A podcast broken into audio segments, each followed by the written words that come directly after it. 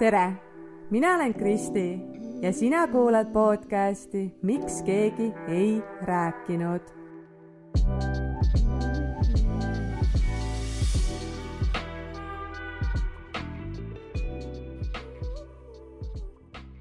hei, tundub, et minu viimase aja trend on see, et ma alustan vabandusega. palun vabandust, et mu podcasti osa ei tulnud õigeaegselt ehk planeeritult kolmapäeval välja.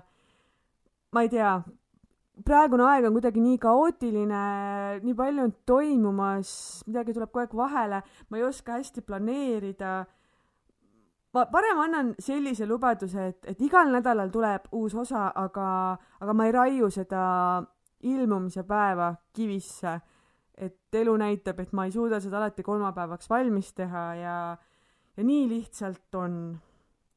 ma olen hästi palju viimastes osades keskendunud sellisele enesearmastusele, vaimsele tervisele, sisemaailmale, kõigele sellele. aga üks väga-väga suur osa minust on olla ema ja ma olen sellele häbiväärselt vähe tähelepanu pööranud. ma küll ei defineeri ennast just ainult selle läbi emaduse või et emaks olemise, aga siiski see on minu jaoks ju väga-väga tähtis roll, väga-väga suur asi. ja ma usun, et minu kuulajate seas on ka palju teisi emasid või, või naisi, kes soovivad emaks saada. ja ma usun, et on aeg natukene ka, ka sellele teemale siis nii-öelda platvormi anda. ma plaanisin jah, tegelikult ka täna rääkida rahast, aga kuidagi ei olnud äh, selline vibe täna mul ja, ja ma tunnen, et, et mingid mõtted emana tahavad minu seest äh, täna hoopis välja tulla. ma usun, et väga paljud on kursis sellise ütlusega, et need kõige targemad lapsevanemad on need, kellel endal veel lapsi ei ole. ja, ja ma tegelikult ei mõtle seda üldse sedasi pahaga, vaid äh, ma varsti selgitan, kuidas mina seda asja näen.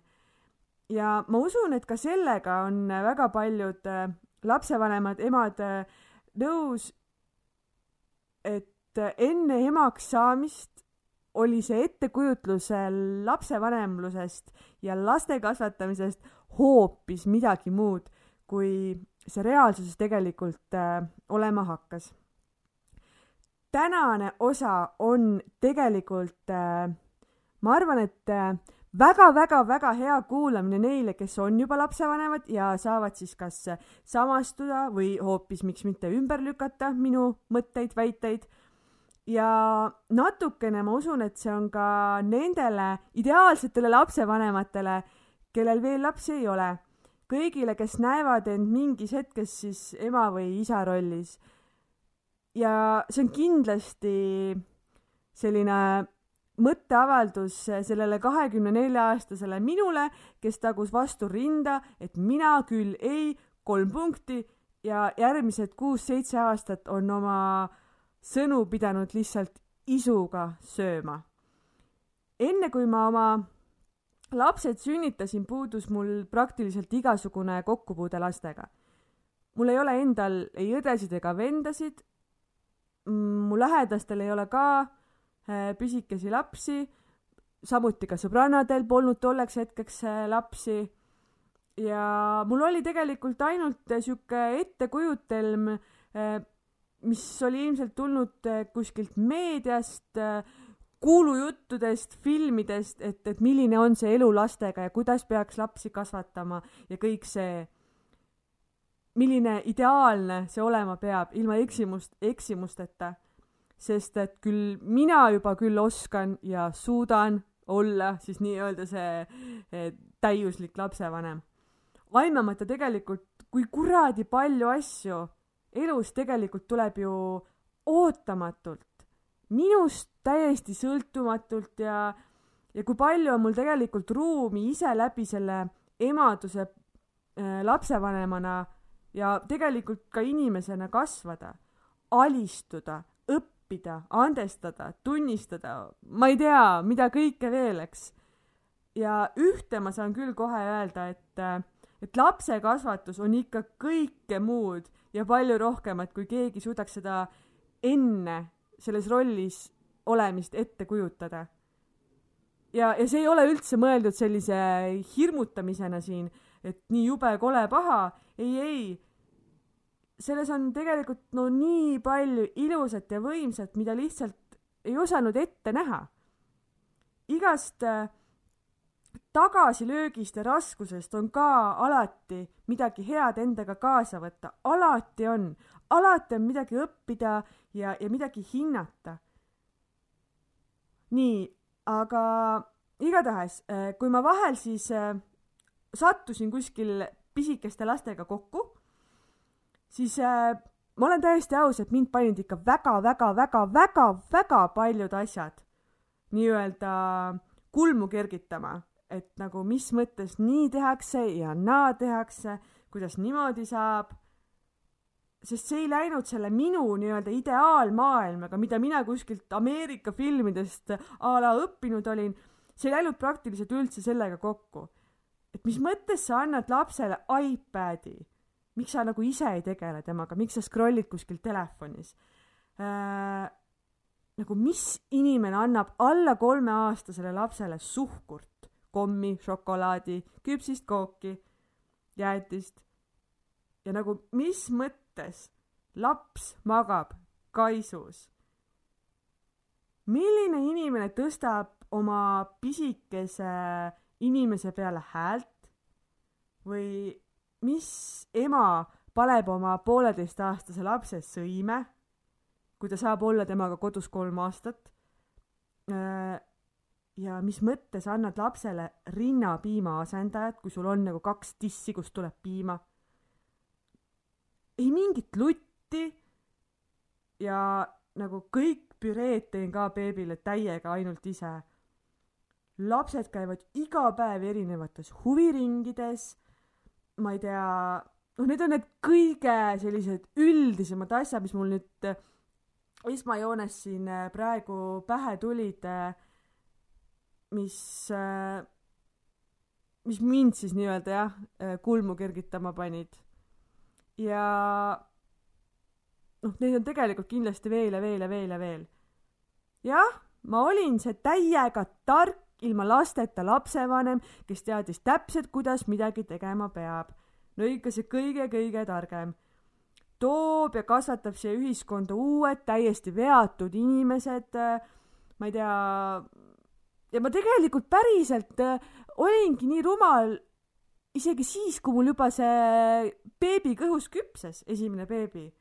Et ma omasin nii, nii tugevat arvamust nii sellise toitumise, ekraanide, oma aja, magamise, tujude, kaklemiste, eeskujude, reeglite, jonnihoogude, ma ei tea, riiete, kõige-kõige kohta. mul oli väga-väga kindel äh, selline nii-öelda oma arvates siis teadmine ja üks asi, mida ma tugevalt äh, vastu rinda tagusin, oli see, et, et laps ei hakka mitte kunagi meie voodis magama.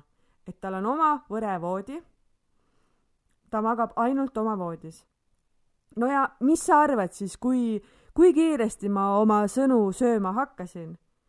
ma arvan, et kuskil poole aasta pealt ma lihtsalt loobusin sellest äh, ühest voodist teise tõstmisest, et äh, ma olin lihtsalt nii ära kurnatud sellest öisest tissitamisest, tõstmisest ja mul oli lihtsam, et laps on mul kaisus ja ma siis nii-öelda läbi une panen talle rinna eh, suhu, ta saab eh, oma piima, oma lähedust sealt ja mina juba tegelikult olen poolunes sellel ajal. ja miks ma tegelikult üldse siis olin selle nii-öelda alguses esialgu enda jaoks välistanud, et laps võiks kaisus magada või meie voodis magada. ma arvan, et see tuli tegelikult kuskilt täiesti noh, väljaspoolt oli see nii-öelda normaliseerimine, et, et laps kas või nutku, aga, aga magab oma voodis, et see on tema koht, et ma ei tea, paarisuhe ei kannataks. Ja see ei olnud tegelikult kuidagi selline minu enda sisetundest äh, lähtuv otsus, vaid äh,, vaid väljast tulnud. Kuidagi, sest nii tundus õige mulle. Tegelikult on ju õige see, mis ikkagi igale lapsevanemale endale sobib. kui see on okei okay,, et beebi magab teises toas ja, ja väga kindel režiim ja nii edasi, et kui see on nagu sulle toimiv, siis see ongi õige, see on sinu jaoks õige. aga samas, kui sa ikkagi tunned, et sa tahaksid, et beebi magab sul kaisus, sest nii on lihtsam, kergem, mõnusam, mis iganes põhjusel, siis see ongi see sinu õige. nagu minu õige tegelikult on, ongi see, et, et lapsed on mul kaisus maganud. ja, ja kogu see magamise trall, see on selline asi, mida sa tegelikult ei saa mitte kuidagi ette planeerida, mõelda, sellepärast et, et, et sa ei tea seda reaalset olukorda. sa ei tea, milline on sinu lapse uni kuidas sa ise selle kõigega toime tuled. sa ei tea seda enne, kui see olukord on äh, kätte jõudnud. et milline on see nii-öelda teie dünaamika siis. ja loomulikult mingid äh, sellised äh, plaanid ideed võivad olla, aga, aga palju lihtsam on tegelikult seda mängu ikkagi minna niimoodi mängima, et suhtumine on see, et sa tegelikult ei tea ega saa kõike kontrollida, mis siis päriselt nii-öelda saama hakkab ja, ja see kellegi teise magamise süsteem nii-öelda, see ei pruugi sulle üldse sobida. ma, ma reaalselt äh, mäletan, ma väga pikalt häbenesin seda tunnistada, et äh,, et beebi magab minu või noh, siis nii-öelda meie voodis ja, ja tegelikult olgem ausad, mul ei ole olnud see ainult sihuke beebiea teema et äh, hetkel ma magan äh, oma kahese ja neljase vahel, oma kahe tütre vahel. ja, ja nii on lihtsalt ja see sobib mulle. loomulikult oleks tore ja lihtne ja mõnus ja kerge, kui igaüks äh, magaks oma voodis. ja ma tean, et ühel päeval see ju juhtub. ja aga kui nad praegu jah, ärkavad öösel üles ja ütlevad, et emme, palun tee pai emme, ma tahan kaisu. emme, ma ei tea, lihtsalt oled sa siin? jah, ma olen siin, ma olen olemas sinu jaoks. mul on okei okay seda lähedust neile praegu pakkuda. et päriselt ka on. ja seda ütlen mina, kes, kes oli täiesti kindel, et, et minu lapsed magavad ainult oma voodis, oma toas. Ma magan juba seitse aastat põhimõtteliselt lastekaisus ja kas see on paari suhtesse probleeme toonud? kindlasti on. aga täpselt nii palju, kui tegelikult me oleme ise lasknud sellel juhtuda. et kui me oleme ise olnud rohkem lahendustele ja võimalustele orienteeritud, siis on kõik hästi. et see ühes voodis magamine on jah, üks osa paari suhtest, üks kild, aga see ei ole nagu kogu selle süsteemi nii-öelda alustala. Ja noh, see on jah, jällegi puhtalt minu arvamus nii nagu kõik ma siin täna jagan, et äh, ma kordan igaks juhuks veel üle, et igaühele on oma ja kindlasti minu õige ei ole nii-öelda kõikide teiste õige äh,. edasi ma mõtlen, et toitumine oli hästi selline minu enda jaoks sihuke keerulisem teema või, või sihuke ratsionaalne, et kuna mul on endal ju teadupärast toitumisega lapsest saadik probleeme olnud tekitas see teema minus äh, sellist hirmu ja kui ma oma esimese lapse sain, siis ma teadsin, et ma annan endast kõik, et äh, talle sellist hästi tervislikku toitumist, tervislikku suhtumist, äh, et seda kõike nii-öelda õpetada talle. aga noh, jah, see oligi nii, et mitu toidukorda päevas, sooja isetehtud toitu, ei mingit valmistoitu, ei mingit suhkurt noh, vähemalt a la kolm esimest eluaastat väga-väga äh, selline. ja, ja umbes, et laps sööb ainult seda, mida mina teen, varuvariante ei ole, alternatiive ei ole. Need uskumused äh, tulid mul tegelikult ühe teise sisulooja eeskujust. ma ei hakka nimesid äh, nimetama, ma lihtsalt äh, noh, eks sellel on omad, oma tõde ja omad head, head kohad ka. aga tegelikult praegu ma saan aru, et see ei ole see, mida mina nii-öelda ise selleks tõeks või õigeks viisiks äh, päris pean. et need ei olnud need minu omad mõtted või uskumused. aga mind mõjutas see, et ma tahtsin olla selline parim ja väga ideaalne, ühiskonna poolt heaks kiidetud, kuna ma nägin selle teise inimese puhul väga sellist suurt äh, kaasaelamist, tunnustamist, siis ma tundsingi, et jah, nüüd see ongi see, see õige. ja samas vaatasin ise siis teistele altkulmu, kui nad lapsele, ma ei tea, kooki andsid. aga noh, jah. esimene laks, et see kontroll nii-öelda selle toitumise maailmas lapse ja toidu vahel siis et see ei ole nagu täiesti minu käes ja, ja arusaamine, et lapsel on tegelikult ju ka endal mingisugused eelistused, otsustusõigus, see saabus tegelikult põhimõtteliselt kohe lisatoiduga alustades. kui ma seal usinasti brokolit ja veise sisefileed aurutasin lapsele ja, ja ta ei söönud seda, ta öökis, ta ei söönud seda. ma tegin selle täiesti püreeks ja ta ei söönud seda. ja ma sain aru, et ma lõikasin täiega sõrme kiideldes, et mina küll lapsele poetoitu ei anna. ikka ise, ikka ise hullult vaaritan kõik püreed, asjad ise, et kui raske see ise on või kui raske see ikka on. et no reaalsus on see, et minust sai ikkagi väga kiiresti väga-väga selline patriootlik salvesti klient. ja kui aeg jõudis lasteaiani hmm,, sõimerühm, kuhu ma oma lapse kaheaastaselt panin siis äh, tekkis äh, mul esimene selline pinge ja väike heitlus magusa söömisega. advendi ajal, kui lasteaias tuli teemaks äh, päkapikud ja mida me sinna sussi sisse panna võiksime, mina ei olnud oma lapsele kunagi kommi andnud ja, ja ma ei tahtnud seda ka nüüd teha. ma puikasin sellele vastu, pakkusin alternatiive, aga paratamatult peale väikest sellist äh, sarvede vastuajamist saime aru, et, et ma olen vähemuses. Ja suurema osa jaoks on normaalne väga varakult juba lapsi selle magusa maailmaga tutvustada. Ja, ja oligi nii, et ma andsin siis selle nii-öelda esimese kommi, mida ma tahtsin ikkagi nii-öelda ise anda, äh, ma andsin selle talle siis, kui ta oli kahe aasta ja kolmekuune vist.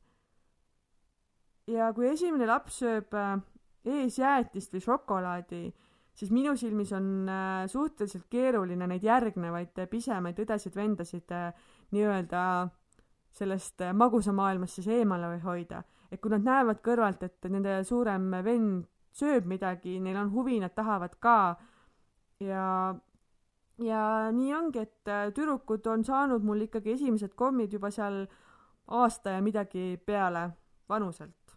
ja nii lihtsalt on. See ongi olnud minu otsus ja jah. ja ma olen selle eest ennast ikka nagu ulme palju nüpeldanud, et, äh, et ma olen andnud neile magusat. aga praegu, tänasel päeval ma mõtlen sellele toitumise teemale tegelikult ikka nagu hoopis teistmoodi, teise pilguga.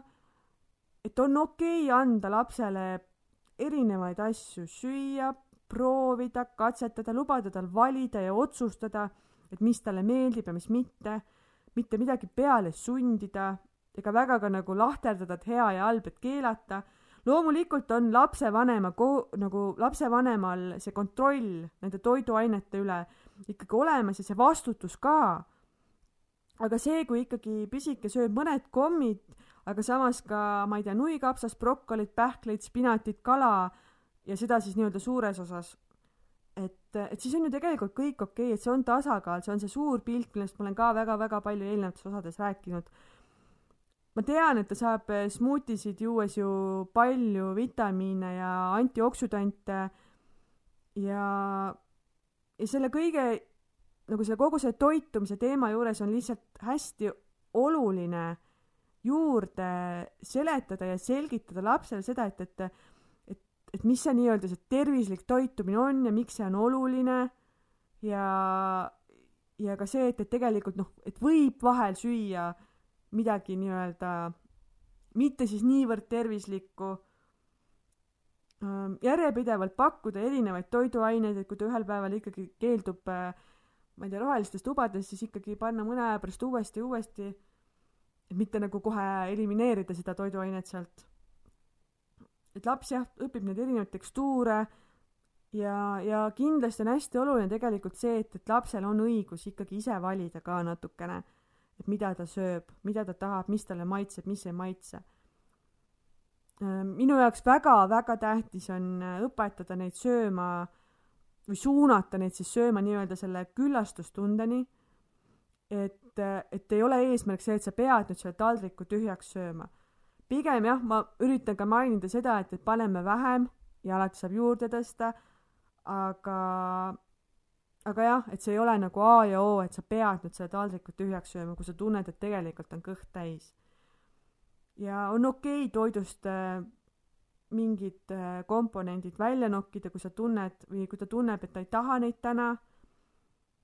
vahel on ka see täiesti okei okay,, et laps sööb hommikuks krõbinaid ja, ja lõunaks ka krõbinaid. Sest et äh, võib-olla õhtul siis äh, multika kõrvale snäkib ta porgandit ja hapukurki ja karbitäie mustikaid. et noh, jah, jälle see suur pilt et tähtis on ju see, mida me enamus ajast teeme. ja kui ma olen õhtusöögi valmis teinud ja keegi neist siiski ei soovi seda süüa, siis äh, jah, ma alguses keeldusin äh, nii-öelda mind, midagi muud pakkumast.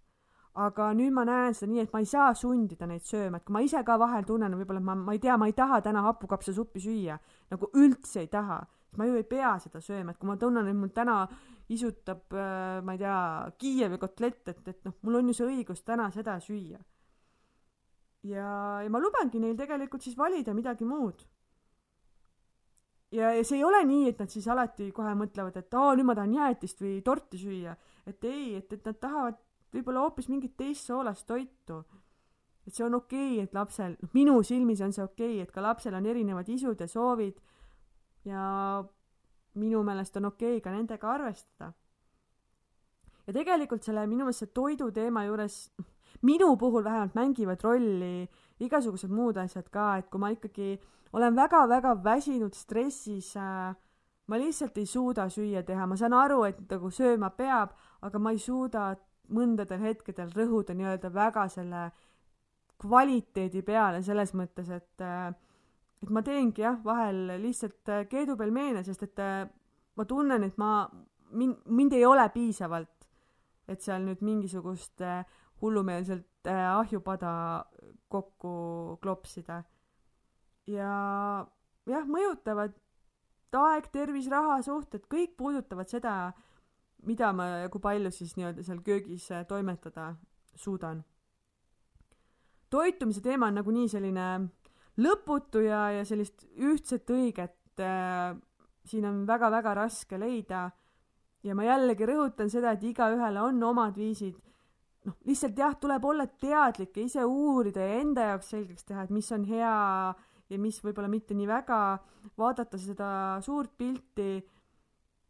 ja ilmselgelt, kui see suur pilt võrdub ainult äh, purkside, krõpsude, ma ei tea, limonaadiga, siis see ei ole hea, see ei ole mitmekesine, see ei ole kuskilt otsast vitamiinirikas, toitainete rikas. aga see tulebki nagu enda jaoks selgeks teha ja siis saab just juba neid teadmisi ka lapsele edasi anda.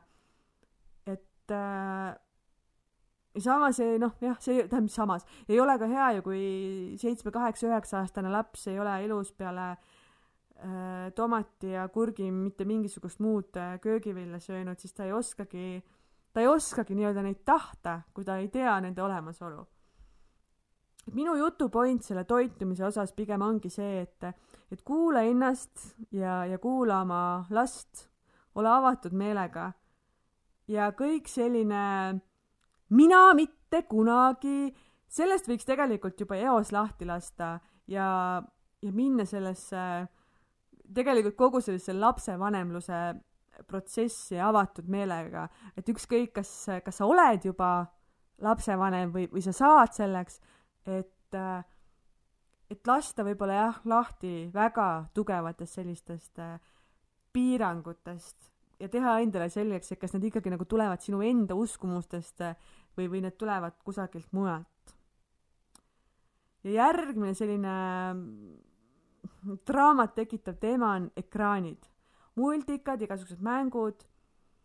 ma olin jälle väga kindel, et lastele ei tohi ekraane näidata, igasugune nutisõltuvus, mängude sõltuvus, äh, et lapsevanem peab ise kogu aeg lapsega tegelema ja, ja mitte ekraani taha naelutama.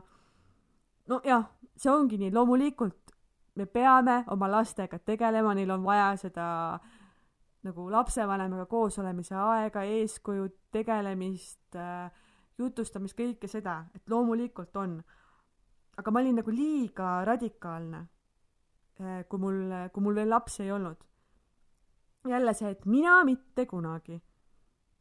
aga tõde on see, et ma olen siin ka oma piire ikka oluliselt nihutanud ja täiesti ausalt äh, nii-öelda tunnistan üles, et, et vahel on läinud ka see ekraaniaeg äh, neil lappama, kas siis nendel perioodidel, kui nad on haiged kodus või, või kui mina olen olnudki nii sellises mentaalses madalseisus, et mul päriselt ei ole nagu mitte mingisugust äh, tahtmist ega jaksu mitte midagi ette võtta.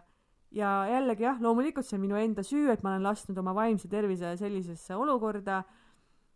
aga, aga noh, nii lihtsalt on see on paratamatu, see on elu. ja ma ei ole ka emana oma nii-öelda hiilgeaegadel, kui mul on kõik hästi, ma ei ole ka siis selline hull lastega mängija, möllaja, meisterdaja, et, et see, see ei tule mul kuidagi loomulikult, et ma pean seda kuidagi väga teadlikult ja nii-öelda noh, pealesurutult siis tegema. ma jah, ma mängin nendega, ma joonistan nendega aga see on ka koht, mida ma olen tundnud, et oo, ma peaks palju rohkem, et teised emad ju, et noh, see on jälle see sotsiaalmeedia, et kui jagatakse mingeid äh, meisterdamise hetki või, või kuskil, ma ei tea, spaas käimisi või mis iganes asju, et siis tekib kohe siuke tunne, et kõik tegelevad nagu kakskümmend neli seitse rämedalt äh, oma lastega, teevad igasuguseid asju lastele, lastele, lastele. Ja samas nagu näitavad ka seda, et nad käivad täiskohaga tööl, ma ei tea, neil on mingid hobid, värgid, särgid, onju. noh, reaalsus on see, et kõike ju ei mahuta sinna kahtekümmend nelja tundi ja, ja see on jälle see üks killuke, mida, mida ma siis näen ja, ja ma jah, kuidagi olen hak-, noh, võrrelnud ja siis ennast pahasti tundnud, et mina nagu ei, ei tegele seal nendega piisavalt palju, ma ei ole nii hea ema blablabla bla, bla. Aga jah, see lihtsalt ei ole nii-öelda mulle loomupärane, selline väga suur mingi meisterdamine ja mängimine. ja nii minu lapsed tegelikult toimetavadki väga-väga palju omaette, joonistavad, mängivad, hullavad, lollitavad, teevad pahandusi ja vaatavad ka multikaid Äh, minu selline tegelemine on pigem sihuke kaisutamine, läheduse pakkumine, musitamine, jutustamine ja mina hindan seda ja ma näen, et ka nemad hindavad seda ja ka seda on neile vaja.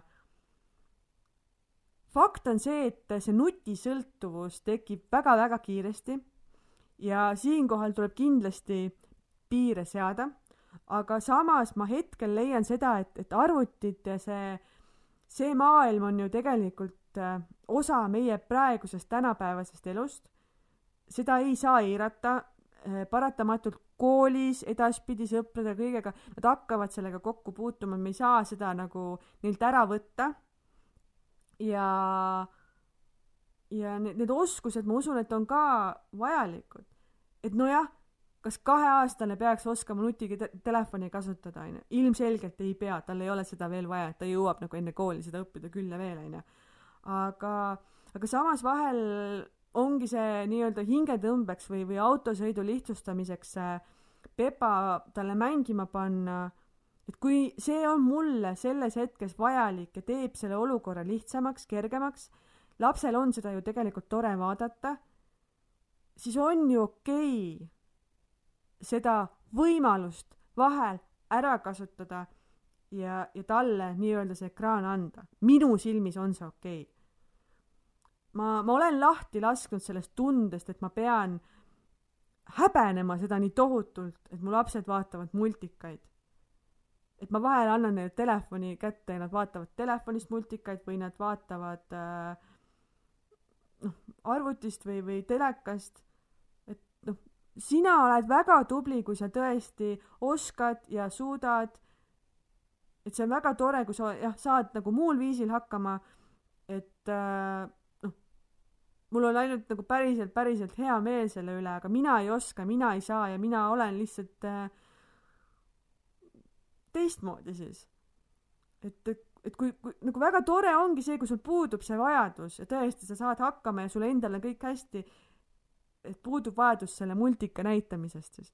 aga jah, kuigi ma ikkagi usun, et, et äh, multikatel on ikkagi oma selline koht äh, ja oma osa lapsepõlves, need on toredad.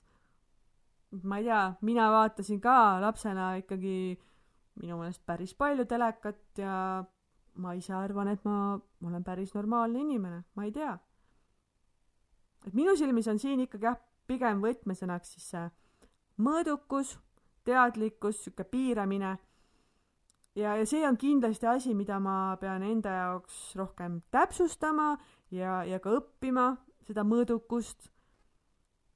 aga aga jah, ma ei välista enam neid ekraane ja seda multika vaatamist ja seda kõike. ma ei tea, kasvõi siis Hugole ostsime sünnipäevaks Nintendo, mille vastu ma olin ka alguses hullupööra, siis ma kujutasin ette, et nüüd on kakskümmend neli seitse ainult seal äh, konsoolis ja mängib ja mängib ja mängib.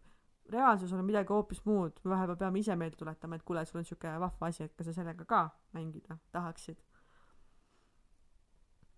no ja, ja igasugused need äh, kõik ülejäänud.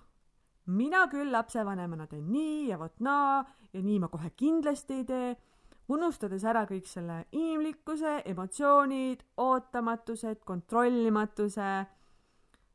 mina ei suuda olla rahulik lapsevanem ja, ja igas olukorras ka rahulikuks jääda, et ma mitte kunagi ise nõmedalt ei käituks, et ma käituksin ainult õigesti.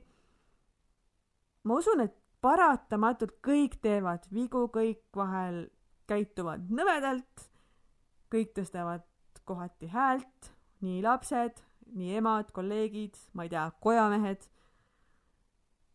kuna minu enda selline kerge lapsepõlvetrauma on see, et äh, minu isa kippus päris palju häält tõstma ja nii-öelda siis äh, sel viisil end kehtestama siis ma lubasin endale emaks saades, et mina mitte kunagi ei karju oma laste peale ja ei tekita neile seda traumat. mis aga siis äh, päriselt juhtus, see õpitud käitumine oma lapsepõlvest, see eeskuju, see tõigi ikkagi minus sellise suhteliselt esimese reaktsioonina välja selle, et ma tõstan häält. ja ma olen end sellepärast nii tohutult palju sitasti tundnud häbenenud, meeletult häbi tundnud, süütunnet, et issand, ma olen täpselt samasugune, ma olen see, kes ma lubasin, et mina mitte kunagi ei ole. see pettumine iseendasse on nagu tohutu olnud, see on, see on minu jaoks hästi selline valus teema. aga ma tean, et tegelikult, tegelikult ma ei ole ju seesama inimene, et äh, mina olen ikkagi mina ja ma saan käsi südamele öelda, et mina olen parem. ma vabandan alati, kui ma tõstan laste peale häält, ma kallistan, ma seletan, ma tunnistan, et ma tegin valesti, ma olin mölakas. ma, ma tunnistan seda viga ja ega see, see ka, see enda vigade tunnistamine ei ole tulnud siin nüüd kergelt.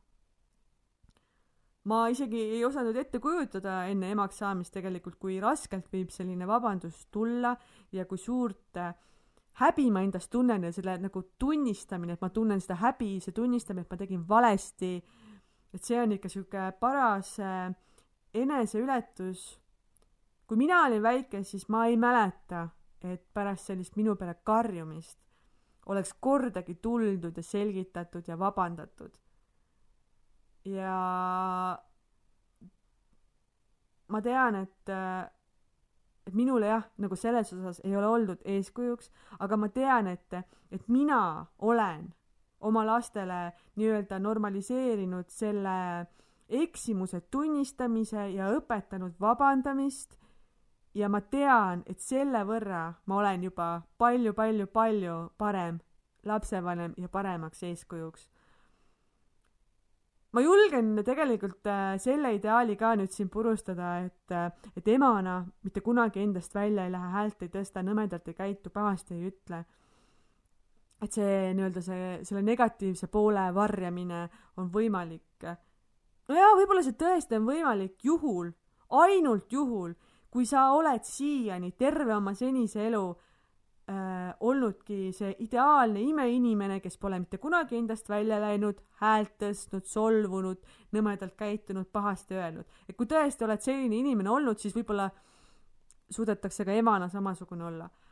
aga kui on ikkagi vastupidi, siis äh, siis usu mind, et sa astud ka lapsevanemana vähemal või rohkemal määral sinna ämbrisse, astud edaspidi veel ja veel ja minu soovitus või soov on lihtsalt see, et, et ole endaga hell ja anna endale andeks ja palu vabandust ja, ja ma võin tõesti käsi südamel kinnitada, et sa ei ole ainukene. meid on tegelikult väga-väga-väga-väga palju.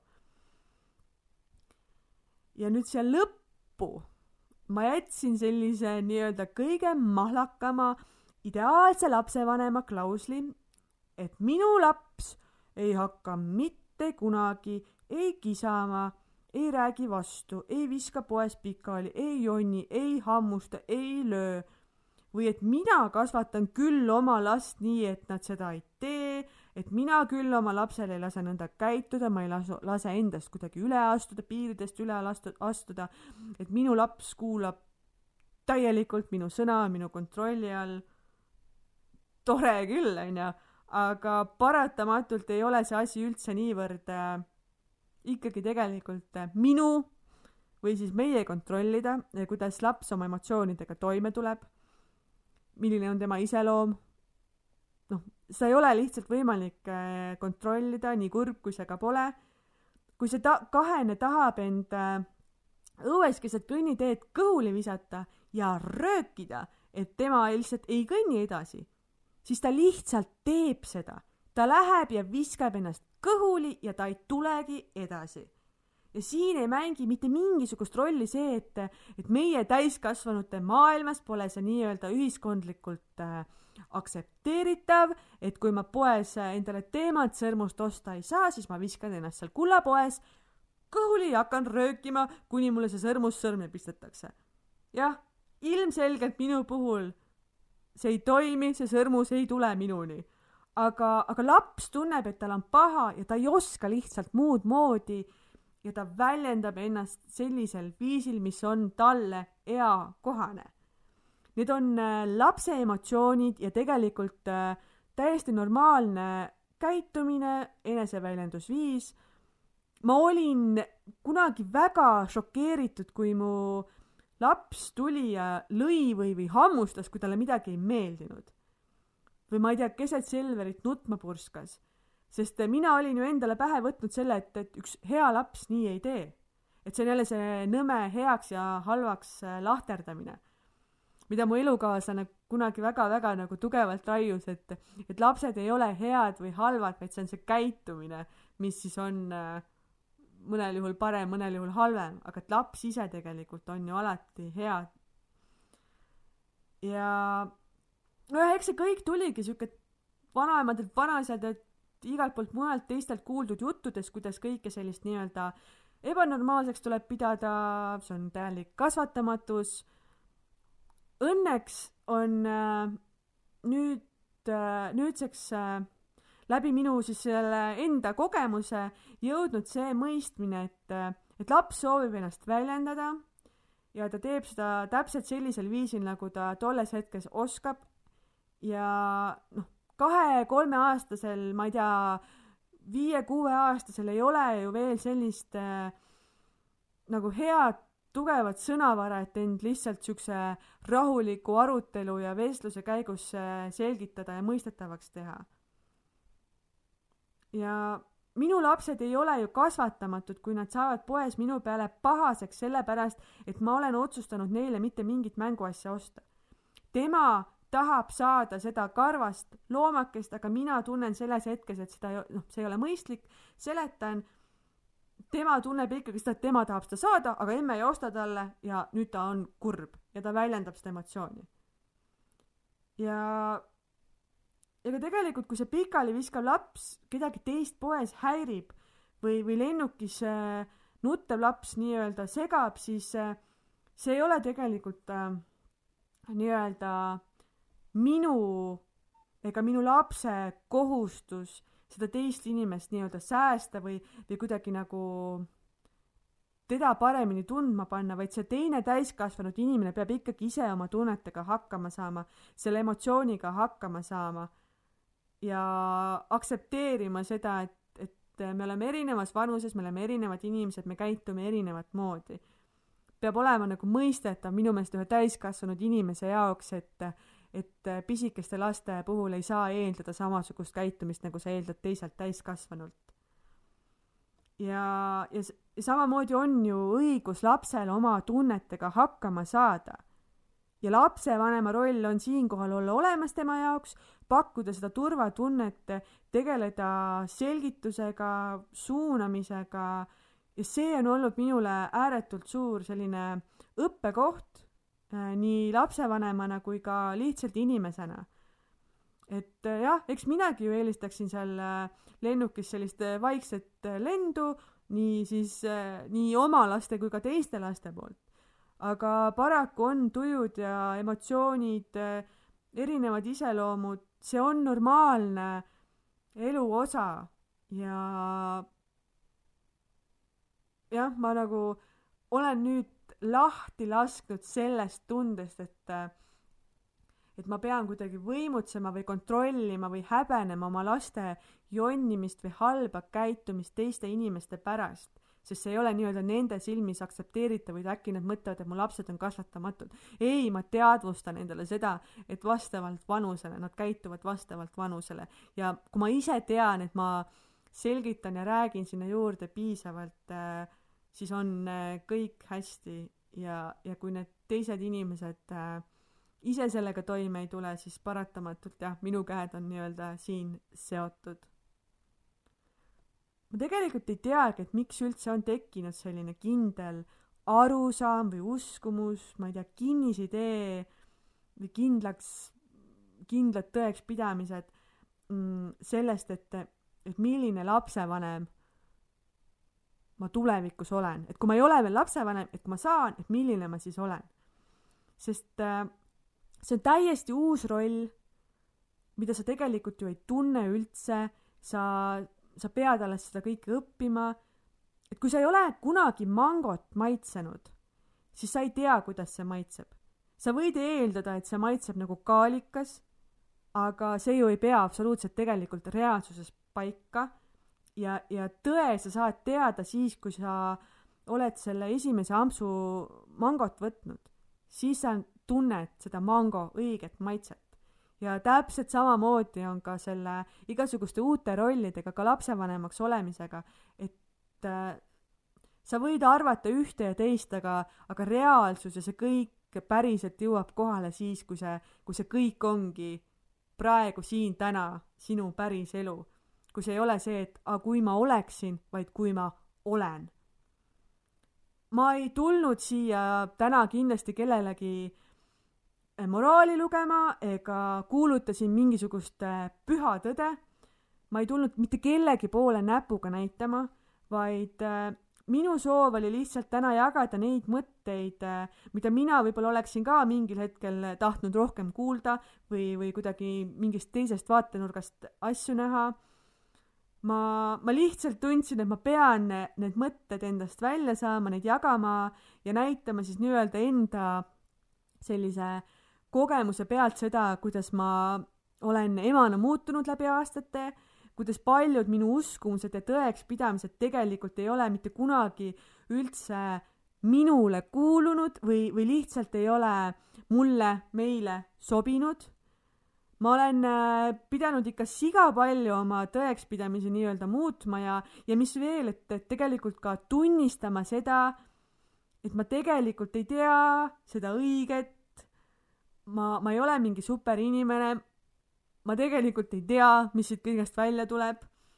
ma tean seda, et ma proovin ju igas päevas äh, endast parima anda, ma proovisin seda oma esimesel päeval teha, ma proovin seda tänasel päeval teha, et, äh, et see, mida ma olen endast andnud, ongi olnud selle minu selle päeva kõige, kõige parem. ma usun, et ideaalne vanem ongi tegelikult see, kes ei ole ideaalne sest kui kogu ressurss läheb äh, püüdlusele olla täiuslik, eksimatu bla,, blablabla, siis äh, kui sa keskendud nagu ainult sellele, et kuidas kõik nööri mööda käiks, siis läheb see päris elu ja see oluline tegelikult sealt kõrvalt mööda, see läheb kaduma. ja, ja ma ust-, usun, et üsna kindel on ka see läbikukkumine tegelikult proovides olla enda meeletult kindlates raamides, nui neljaks teadmata tegelikult vahel isegi täpselt seda, et, et kus need piirid üldse meie pähe tekkinud on. et äh, tegelikult võiksime me ka lapsevanematena, ma usun, olla palju leebemad, paindlikumad, venivamad. kokkuvõttes on ju oluline see, et äh, et meie lapsed tunneksid palju armastust, me ise tunneksime palju armastust, et oleks toredaid hetki ma ei tea, kõik oleks terved ja tublid ja et lapsed kasvaksid enam-vähem normaalseteks, intelligentseteks, empaatilisteks, siirasteks, tegusateks, vahvateks inimesteks, kellega on ka teistel inimestel tore koos olla, kellel on nagu endal iseendana tore elada. Lõpetuseks ma ütlengi täna seda, et nii praegustele emadele, et äh, teistel on ka nii. ausõna on. ja ärge tundke end äh, kehvasti, kui, kui te nagu taipate seda, et oih, ma ei olegi üldse selline vanem, nagu ma arvasin, et ma olen. tere tulemast reaalsusesse. ja tulevastele lapsevanematele ma soovin öelda seda, et, et olge tõesti avatud meelega kohanege enda uue rolli ja uue ilmakodanikuga vastavalt teile endile. et ärge lähtuge niivõrd palju nendest teistest või mida te kuskilt kuulnud olete. ma usun, et sisetunne on väga-väga õige. ja, ja neile kõige targematele lasteta lapsevanematele ma tahan öelda, et, et kõik ei ole nii must ja valge, kui tundub. Rohkem mõistmist, paindlikkust ja rohkem tuge. see on see, mida me palju rohkem vajame. meie kõigi rõõmuks. tšau!